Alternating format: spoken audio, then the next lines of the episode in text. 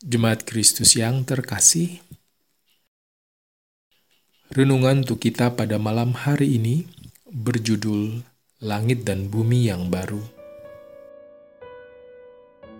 Dan bacaan kita diambil dari kitab Yesaya 65 ayat 17 sampai 19.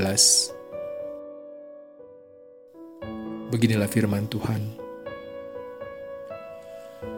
Sebab sesungguhnya aku menciptakan langit yang baru dan bumi yang baru.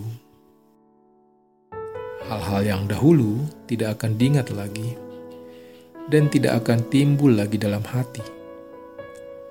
Tetapi bergiranglah dan bersorak-sorak untuk selama-lamanya atas apa yang kuciptakan. Sebab sesungguhnya aku menciptakan Yerusalem penuh sorak-sorak dan penduduknya penuh kegirangan.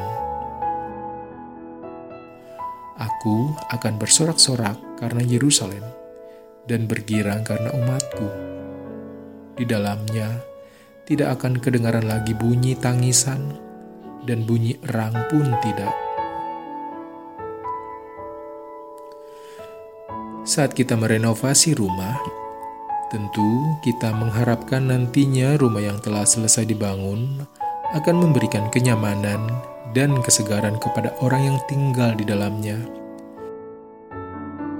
Dan terlebih juga diharapkan memberikan dampak yang lebih baik dalam segala hal bagi setiap orang yang tinggal di dalamnya.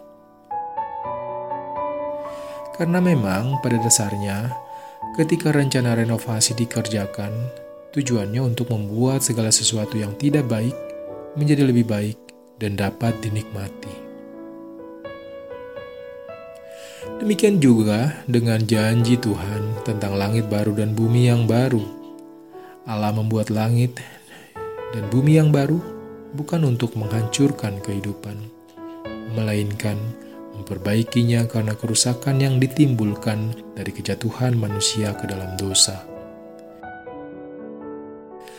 Langit dan bumi yang baru juga akan memperbaiki setiap orang yang akan tinggal di dalamnya Hal ini terlihat dari tidak adanya lagi tangisan dan kesulitan yang dihadapi manusia, sekaligus akan mendatangkan sukacita yang dari Tuhan sendiri.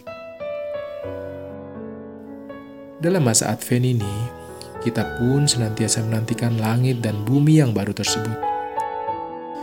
Kita menanti saat Allah datang kedua kalinya untuk menghakimi dan memperbaiki kehidupan manusia